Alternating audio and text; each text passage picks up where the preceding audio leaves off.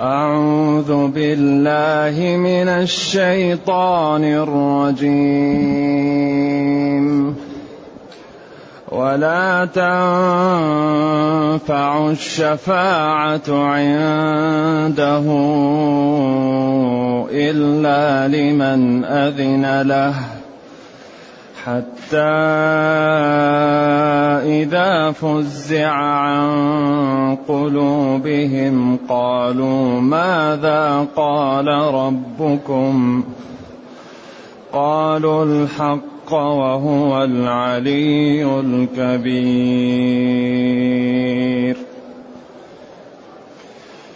قالوا الحق وهو العلي الكبير.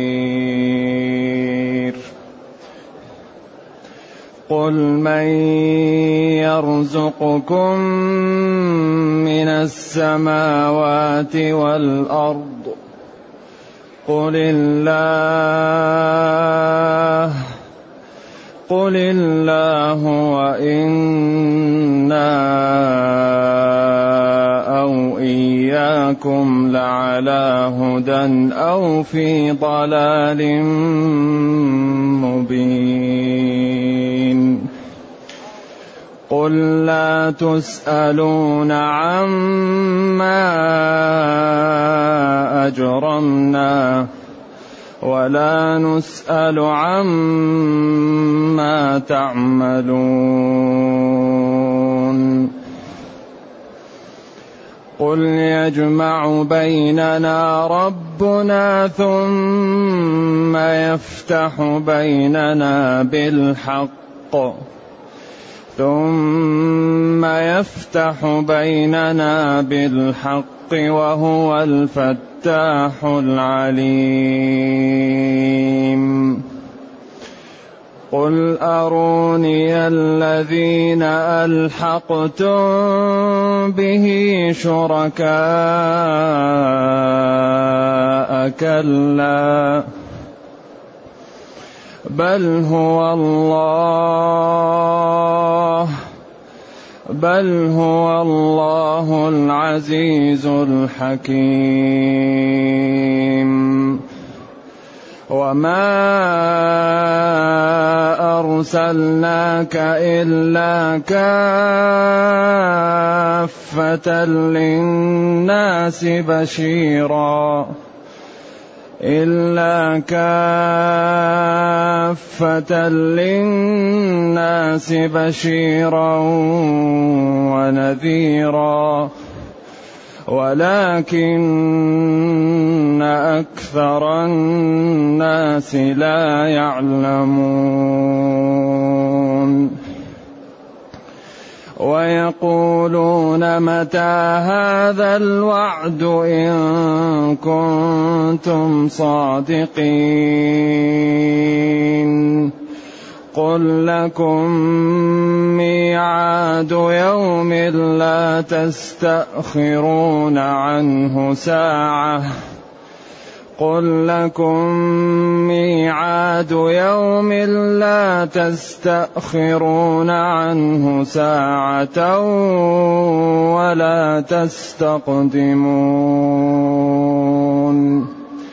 وقال الذين كفروا لن نؤمن بهذا القرآن ولا بالذي بين يديه. ولو ترى إذ الظالمون موقوفون عند ربهم ولو ترى إذ الظالمون موقوفون عند ربهم يرجع بعضهم إلى بعض القول يقول الذين استضعفوا للذين استكبروا يقول الذين استضعفوا للذين استكبروا لولا أنتم لكنا مؤمنين.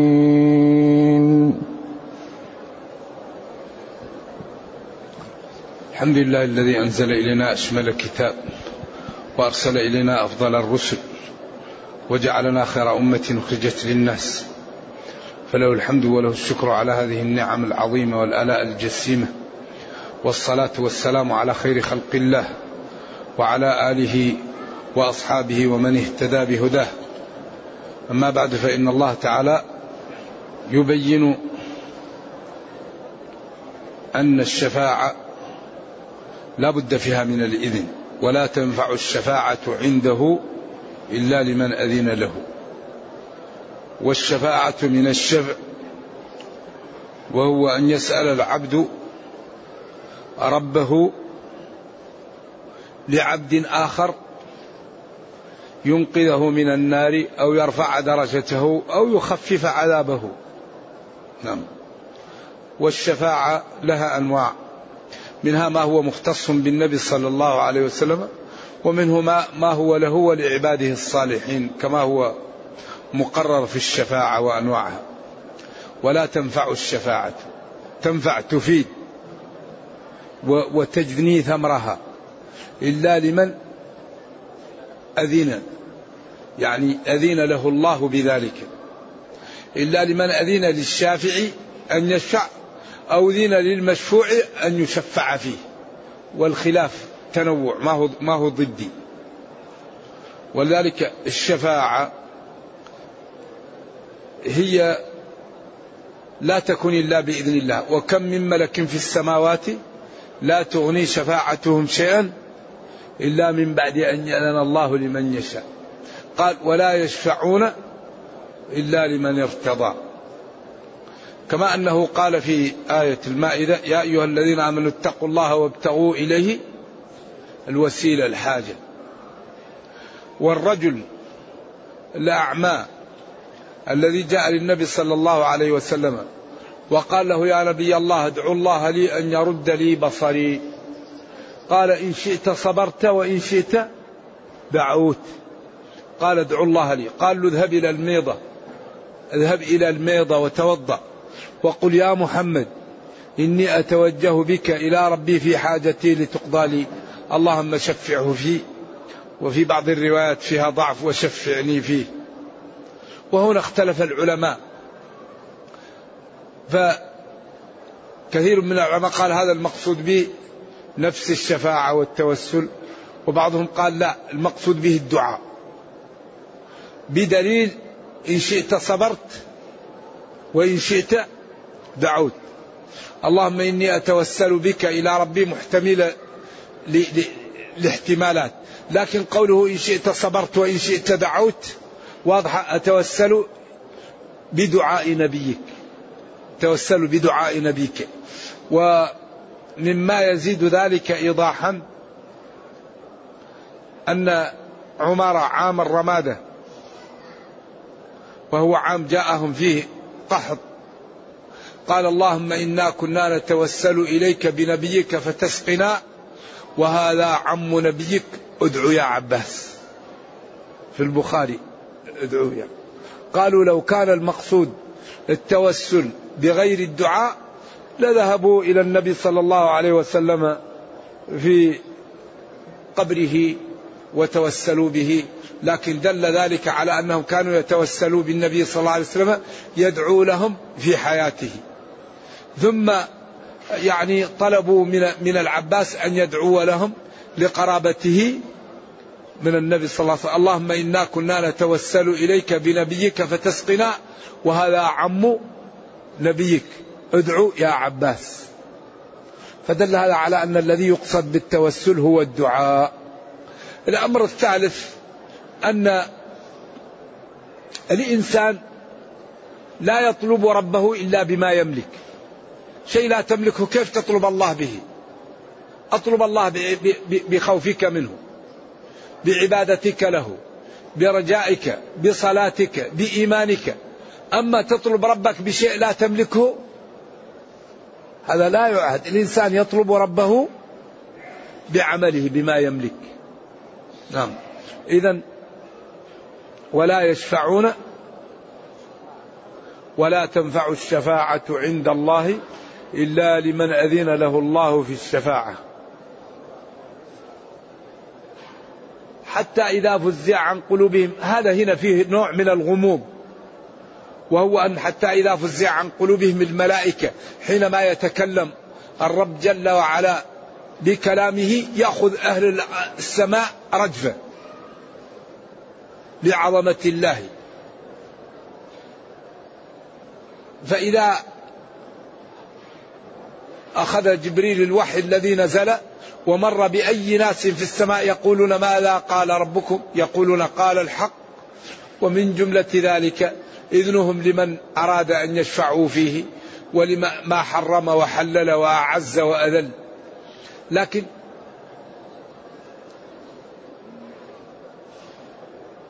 حتى إذا فزع عن قلوبهم هنا قالوا لما ذكرت الشفاعة وذكر قبل ذلك قضية الملائكة فكأن السياق أصبح دال على إذا فزع عن قلوبهم أي الملائكة. لسياق ذلك وإن كان لم يصرح بذلك. لكن السياق فهم منه والأحاديث أيضا دلت على ذلك لتبين للناس ما نزل إليهم. سري عن قلوبهم لما يجدونه من الوحي. إذا أراد الله أن يتكلم خذت السماوات والأرض رعدة وكل من فيها حتى يصابوا بمثل الغيبوبة لشدة الخوف والفزع. ما يدروا ما لا يتكلم ربهم وهو الجبار المتكبر المتعالي.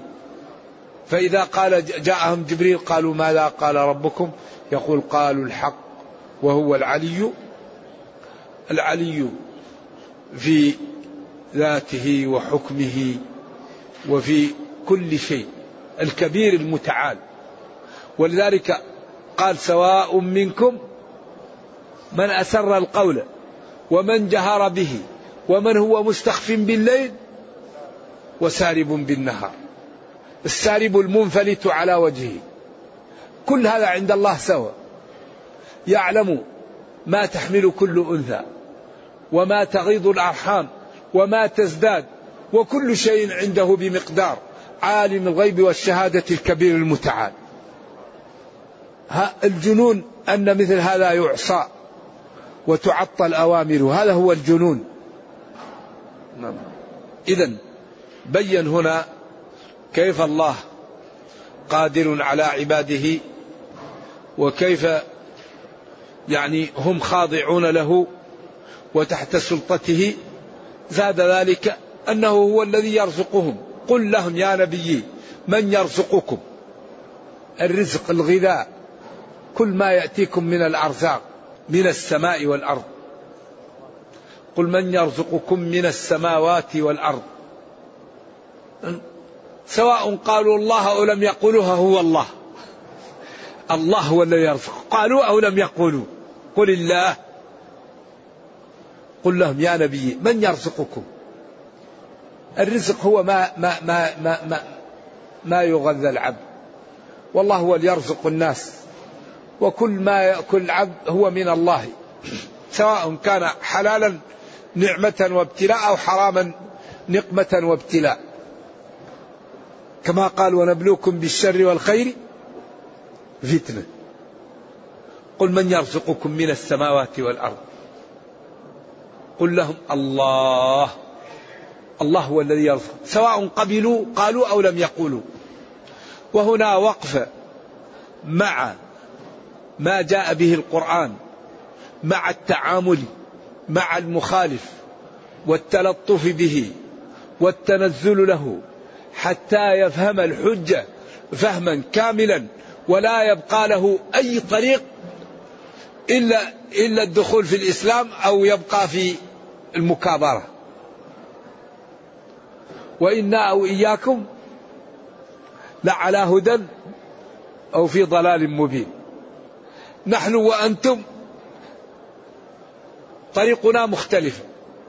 إما أنتم على هدى ونحن على ضلال أو أنتم على ضلال ونحن على هدى.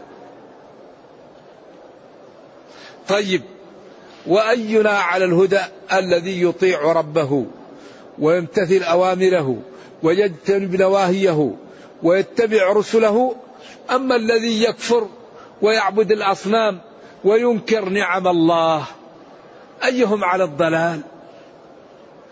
ولذلك هذا الكلام إذا تأمله العاقل فهم من الذي عنده الحق من الذي عنده الباطل. ثم زاد ذلك إيضاحا.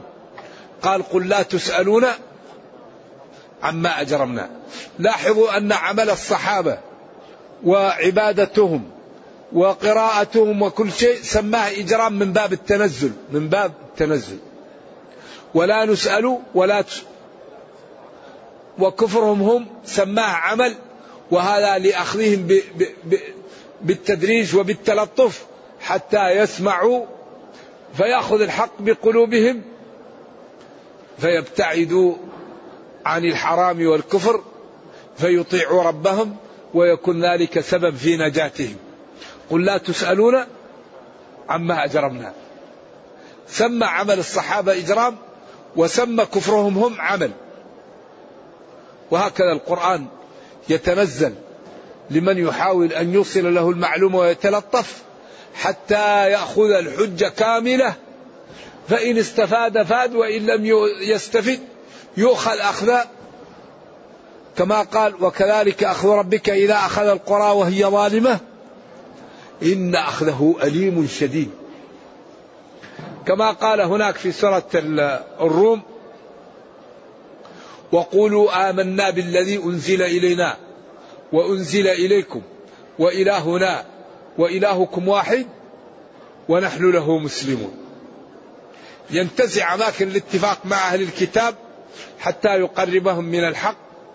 فإذا قربوا عند ذلك يكون سبب في فهمهم وتركهم للضلال وقربانهم من إيش؟ من الحق. ولذلك هذه الحجج يعطيها الله لبعض خلقه. بعض الناس الله يعطيه الحجة. كما أعطى الحجة للشيخ الشامي الذي جاء مكبلا بالحديد وكان في ثمن الواثق وكان الحاكم الذي هو عنده ابن أبي دؤاد. فلما قال له السلام عليكم قال له لا عليك السلام. قال له بئس ما أدبك مؤدبك يا أمير المؤمنين. الله يقول وإذا حييتم بتحية فحيوا بأحسن منها أو ردها. والله ما حييت بها ولا بأحسن منها. قال اترك ما لا تقول في القرآن. قال أنا الذي مكبل بالحديد هو الذي لي أن نسأل. فجاء ابن أبي دؤاد. قال له مقالتك هذه التي تدعو الناس إليها علمها رسول الله أو جهلها؟ قال له جهلها رسول الله. قال ما شاء الله ما شاء الله. علمها ابن أبي دؤاد وجهلها رسول الله. قال له أقلني. قال له لك ذلك. فعاد عليه السؤال. قال له مقالتك هذه التي تدعو الناس إليها علمها رسول الله أم جهلها؟ قال له علمها ولم يدعو الناس إليها. قال لم يسع ابن أبي دؤاد في أمة محمد صلى الله عليه وسلم. ما وسع محمدا في أمته؟ فعند ذلك راح الواثق واستلقى. وقال علمها ابن أبي جهلها رسول الله علمها ابن أبي دؤاد ما شاء الله. علمها رسول الله ولم يدعو الناس إليها. ألم يسع ابن أبي دؤاد ما وسع النبي صلى الله عليه وسلم في أمته. وانتهت محنة القول بخلق القرآن. وفك عن الشيخ الشامي الحديد وأكرم وانتهى من ذلك اليوم محنة القول بخلق القران فلذلك الحجج يعطيها الله لبعض خلقه ولكن الله يمن ولذلك هذه الحجة عجيبة. قل لا تسألون وإنا أو إياكم لعلى هدى أو في ضلال مبين. أحدنا على ضلال والثاني على الهداية لكن من هو على الهداية ومن هو على الضلال؟ طبعا الذي يعبد الله ويطيع ويمتثل أوامره ويتبع الرسل هو على الهداية والذي يعبد الأصنام ويكفر بالله هو على الضلال. ثم خوف ونبه قل يجمع بيننا ربنا قل يجمع بيننا ربنا يجمعنا جميعا. ثم بعدها على طول بعد الجمع يفتح يحكم بيننا. حكما متلبسا بالحق وهو الفتاح الحاكم بالحق العليم الذي لا يغيب عنه شيء وهو الحاكم الذي يفصل بين خلقه ويعطي لكل حق حقه. إن الله أعطى لكل ذي حق حقه. وهو الفتاح الحاكم بين الناس العليم لا يغيب عنه شيء في خلقه. ولذلك حرم الظلم وجعله بيننا محرما فقال لا تظالموا والظلم ظلمات يوم القيامة ودعوة المظلوم تستجاب وأمر أن ينصر المظلوم وقالوا كيف ننصر المظلوم؟ قال نمنعه من الظلم. نصر المظلوم أن تقول له يا فلان أنت ظالم. هذا ما يجوز. هذا هو نصره. انت أن تحل بينه وبين الظلم. نعم. أيوة نصر الظالم. الظالم أن تقول له أنت ظالم. أما نصر المظلوم أن تذهب معه لمن ظلمه وتحاول أن تخلص له مظلمته. أما الظالم أن تنصره بأن تقول له أنت ظالم. انصر أخاك ظالما أو مظلوما. قال كيف ننصره وهو ظالم؟ قال تمنعه من الظلم. نعم. أما المظلوم فنصره أن ترد له مظلمته وتحاول أن تساعده حتى يرجع له ما ظلم فيه سواء كان ظلما حسيا أو معنويا. لذلك هذا الدين قائم على أسس وقواعد. لو انتبه لها المسلمون لأدخلوا جميع أهل الأرض في الإسلام. لو تنبه المسلمون لما في دينهم من الجمال والحسن والإنصاف والعدالة والسمو والرقي واهتموا بالمؤسسات وبإيصاله ناصعا للعالم لدخل الناس في دين الله أفواجا. لكن المسلمين يحولون بين الكفار وبين الإسلام. أكبر معوق لدخول العالم في الإسلام أفعال كثير من المسلمين التي يشوهون الإسلام وينفرون منه بأخلاقهم وأفعالهم وبالكذب على الدين والقول عليه وتشويهه وجعله بينه وبين حقيقته ظلم بأفعالهم. ولذلك حري بنا أن نظهر للناس جمال هذا الدين في حياتنا. وأكبر دعوة أن كل واحد منا يمارس الدين ممارسة حقيقية. أكبر دعوة في هذا الزمن أن كل واحد منا يمارس الدين ممارسة حقيقية. يصلي كما أمر النبي صلى الله عليه وسلم. يكف بصره كما أمر. يمشي كما أمر. يتكلم كما أمر. يبيع ويشتري كما أمر. يسافر كما أمر. يعني نتمثل الدين. أكبر عمل للعالم أن المسلمين يتمثلون الدين. كل واحد منا يتمثل الدين والذي لا يستطيع يسامح. الذي يضطر يسامح الذي ينسى يسامح. لكن إذا أردنا أن ننقذ البشرية لا بد أن نتمثل الدين. فاستقم كما أمرت. اتبعوا ما أنزل إليكم. نعم. فليحذر الذين يخالفون عن أمره. أن تصيبهم فتنة. تعاونوا على البر. كونوا مع الصادقين. إذا لقيتم فئة اثبتوا. اصمدوا في الخطوط الأمامية. ثم بين الطريق المعنوي قال واذكروا الله. لأن الذي ينتصر به المسلمون هو الإعداد الحسي والمعنوي. الإعداد الحسي ما نستطيع. والمعنوي الاستقامة على الدين. فإذا قام المسلمون بالركنين الله ينصرهم بالملائكة والرياح كما نصرهم سابقا بالملائكة والرياح. قل أروني رؤيا بصرية أو قلبية أو هما معا. ألحقتم وصلتم به شركاء. مفعول ثاني. كلا. أيوة. قل أروني الجماعة أو القوم الذين ألحقتم به جعلتم معه شركاء في العبادة وفي الخلق والرزق. كلا. ذلك غير صحيح. بل هو الله المعبود بحق العزيز الغالب الذي يضع الأمور في مواضعها. أما الأصنام والشركاء والأنداد فهي عاجزة أن تصل الخير لنفسها فكيف توصله إلى غيرها؟ أن توصل خيرا أو نفعا لنفسها فكيف توصله إلى غيرها؟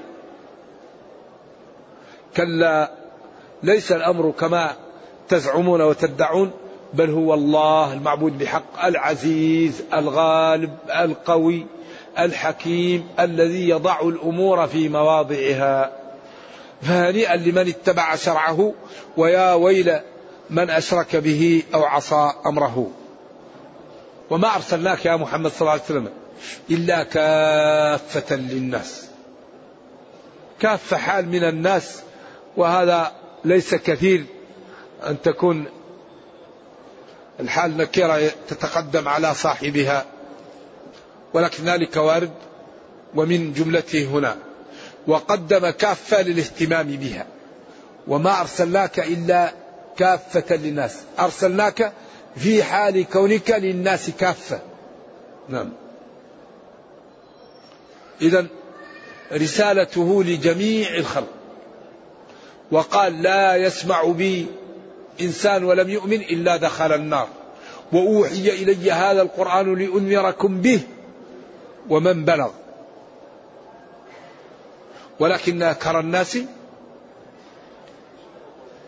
وما أرسلناك إلا كافة للناس وما أرسلناك إلا جميع في حال كونك للناس جميعا مرسل.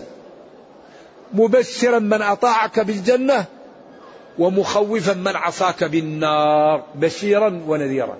مبشرا من أطاعك بالجنة والفوز ومحذرا ومخوفا من عصاك بالنار والخسارة الهائلة. ويقولون ولكن أكثر الناس لا يعلمون ما في اتباعك من الخير والعزة والرفعة والكرامة وما في الكفر من الشؤم والعقوبة والخسارة والدمار والهلاك. لا يعلمون. ولذلك قال وما أكثر الناس ولو حرصت بمؤمنين وقال جل وعلا وإن تطع كرما في الأرض يضلك عن سبيل الله والعاقل لا لا يغتر بالموضع. كثرة الناس. لا. الناس فعلت لا. لا تفعل إلا شيء جائز. شيء حرام لا تفعله ولو فعله الناس. لأن أغلب الناس رايح إلى النار. تسعة وتسعين وتسعمية من أهل الأرض إلى النار. نصيب الجنة واحد من الألف. إذا يوم يقول يا آدم ابعث بعث النار ويا قال وما بعث النار؟ قال من كل ألف تسعة وتسعين وتسعمية. تسع وتسعون وتسعمية عند ذلك تذهل كل مرضعة عما أرضعت وتضع كل ذات حمل حملها وترى الناس سكارى وما هم بسكارى. لشدة الهول. والصحابة لما تزلزلوا قال من يأجوج ومأجوج على حسابكم. ما أنتم في الأمم إلا كالشعرة السوداء في الثور الأبيض أو العكس الأبيض. إذا ويقولون الكفار متى استبطاء هذا الوعد القيامة وهذا التخويف الذي قل لكم ميعاد. وقت. لا تستأخرون عنه ساعة ولا تستقدمون. العمر مثل الشريط. مثل الطريق. انتهى العمر مات نايم. مات في السيارة. في المكتب. راكع. ساجد. في المتجر. خلاص. انتهى العمر يموت. تنوعت الأسباب والموت واحد. لكن لا يمكن يموت الإنسان وبقي له أي شيء. إن أجل الله إذا جاء لا يؤخر. وهذا أكبر جرعة يأخذها المسلم ليشتغل لدينه وأمته. ما دام كل ما يخاف منه الناس الموت والموت محدد لا يزيد ولا ينقص. لما لا نشتغل لديننا ولأمتنا؟ ولما لا ننتج؟ ما يمكن عمر الإنسان يتأخر ولا يتقدم. ما أصاب من مصيبة في الأرض ولا في أنفسكم إلا في كتاب من قبل أن نبرأها. كل شيء مكتوب. أحيانا الواحد لا يمرض أصلا. واحد يحاول أن يعالج لو يأتيها أهل الدنيا ما يمكن. إذا الإنسان يقوم بالأسباب وينام قرير العين ويعبد ربه ولا يعصيه. ما دام ربنا يعني الأمور جعلها محددة وهذا حتى لا نتهالك. لا نخاف ولا نفرح. لكي لا تأسوا على ما فاتكم ولا تفرحوا بما أتاكم. الإنسان يبقى مطمئن معتدل. ينام قليل العين ويقوم بالأسباب. يصلي ويسأل الله القبول. يغض بصره ويسأل الله التقى. يتزوج ويسأل الله الأولاد. يبيع ويشتري ويسأل الله الغنى. يقرأ ويسأل الله العلم. نقوم بالأسباب ونسأل الله. ضروري. أما الذي ينام ولا يقوم بالأسباب هذا يسمى تواكل تلاعب. إذا قل لكم ميعاد يوم لا تستخرون عنه ساعة ولا تستقدمون. قال الذين كفروا جاءوا لن نؤمن بهذا القرآن. كفار قريش ومن جاءهم ولا بالذي بين يديه قبله من التوراة والإنجيل. هؤلاء محجوبون هؤلاء كتبت عليهم الشقاوة. وإلا جاءهم كلام من جنس كلامهم ورجل منهم يعلمونه ويعلمون صدقه وأتى بشيء عجزوا عنه فلم لا يؤمنون. لكن من يضلل الله فلا هدي له. ومن شدة ضلالهم قالوا اللهم إن كان هذا هو الحق من عندك فأمطر ما قال فاهدنا إليه. يدل على أن هؤلاء عياذا بالله سبقت لهم الشقاوة من الله. نرجو الله السلام والعافية. لن نؤمن بهذا القرآن ولا بالكتب المتقدمة عليه من التوراة والإنجيل والزبور والفرقان والصحف. ثم قال ولو ترى يا نبي إذ وقت أو حين الظالمون موقوفون عند ربهم يرجع بعضهم إلى بعض القول يندمون ويسخطون على أنفسهم ويقعون في نوع من الألم والهلكة لا يعلمها إلا الله لرأيت أمرا عجاب عجاب أو لهالك الأمر. ولو ترى ذلك لهالك أو لرأيت العجب العجاب. موقوفون عند ربهم. يرجع بعضهم إلى بعض القول. أنتم ضللتمونا لا أنتم اللي فعلتم أنتم اللي فعلتم.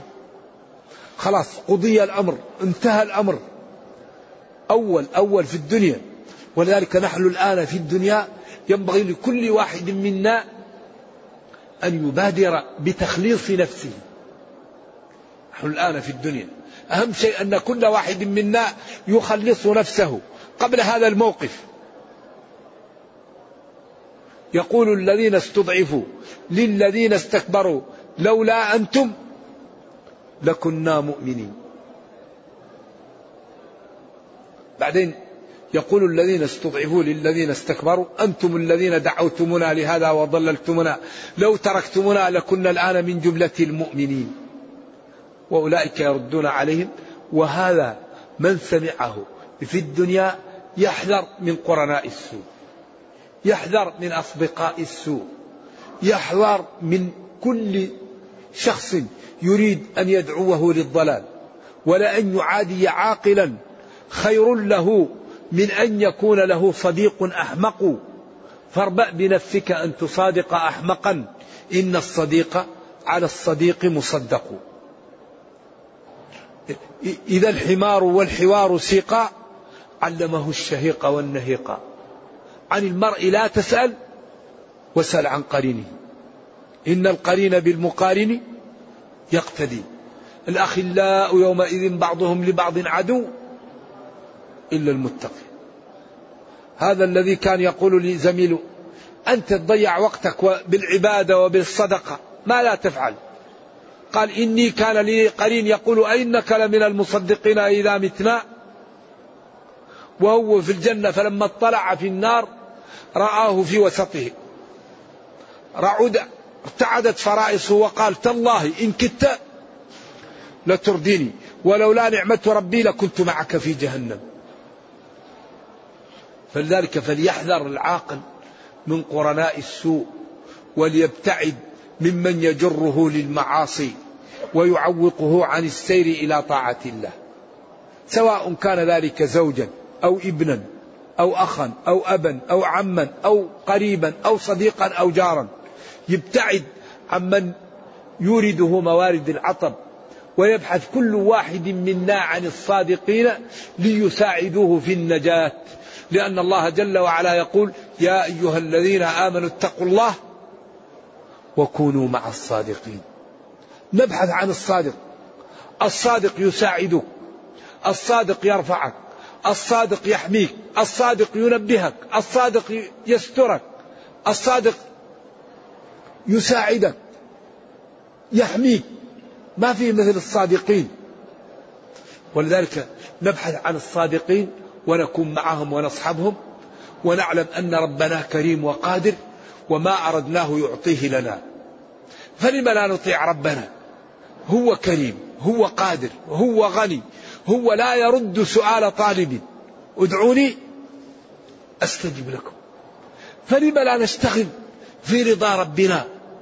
لم لا نعمر أقواتنا بطاعة الله أوقاتنا بطاعة الله؟ وما أردناه يعطيه لنا؟ وقد جعل جل وعلا بيننا وبينه صفقة. فقال أوفوا بعهدي أوفي بعهدكم. وقال إن الله لا يخلف الميعاد.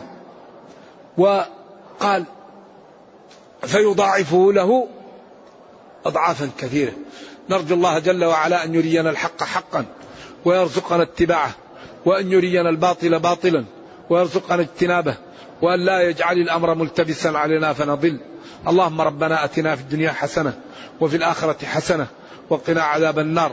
اللهم اختم بالسعادة آجالنا واقرم بالعافية غدونا وآصالنا واجعل إلى جنتك مصرنا ومآلنا أرحم الراحمين اللهم إنا نسألك أن تحفظ هذه البلاد للإسلام والمسلمين. اللهم احفظ المملكة العربية السعودية للإسلام والمسلمين. اللهم إنا نسألك أن ترحم من مات من حكامها وأن تحفظ الحي منهم وأن توحد صفوفهم وأن تقوي شوكتهم وأن ترد عنهم كيد أعدائهم. اللهم إنهم هم الذين يمسكون الحرمين وهم الذين يعلنون شرعك يا رب. اللهم قوهم وانصرهم ورد عنا وعنهم كيد أعدائهم. اللهم إنا نسألك أن تحفظ الإسلام والمسلمين في كل مكان. اللهم إنا نسألك أن تقوي شوكة المسلمين وأن توحد صفوفهم وأن ترد عنهم كيد أعدائهم. سبحان ربك رب العزة عما يصفون وسلام على المرسلين والحمد لله رب العالمين. والسلام عليكم ورحمة الله تعالى وبركاته.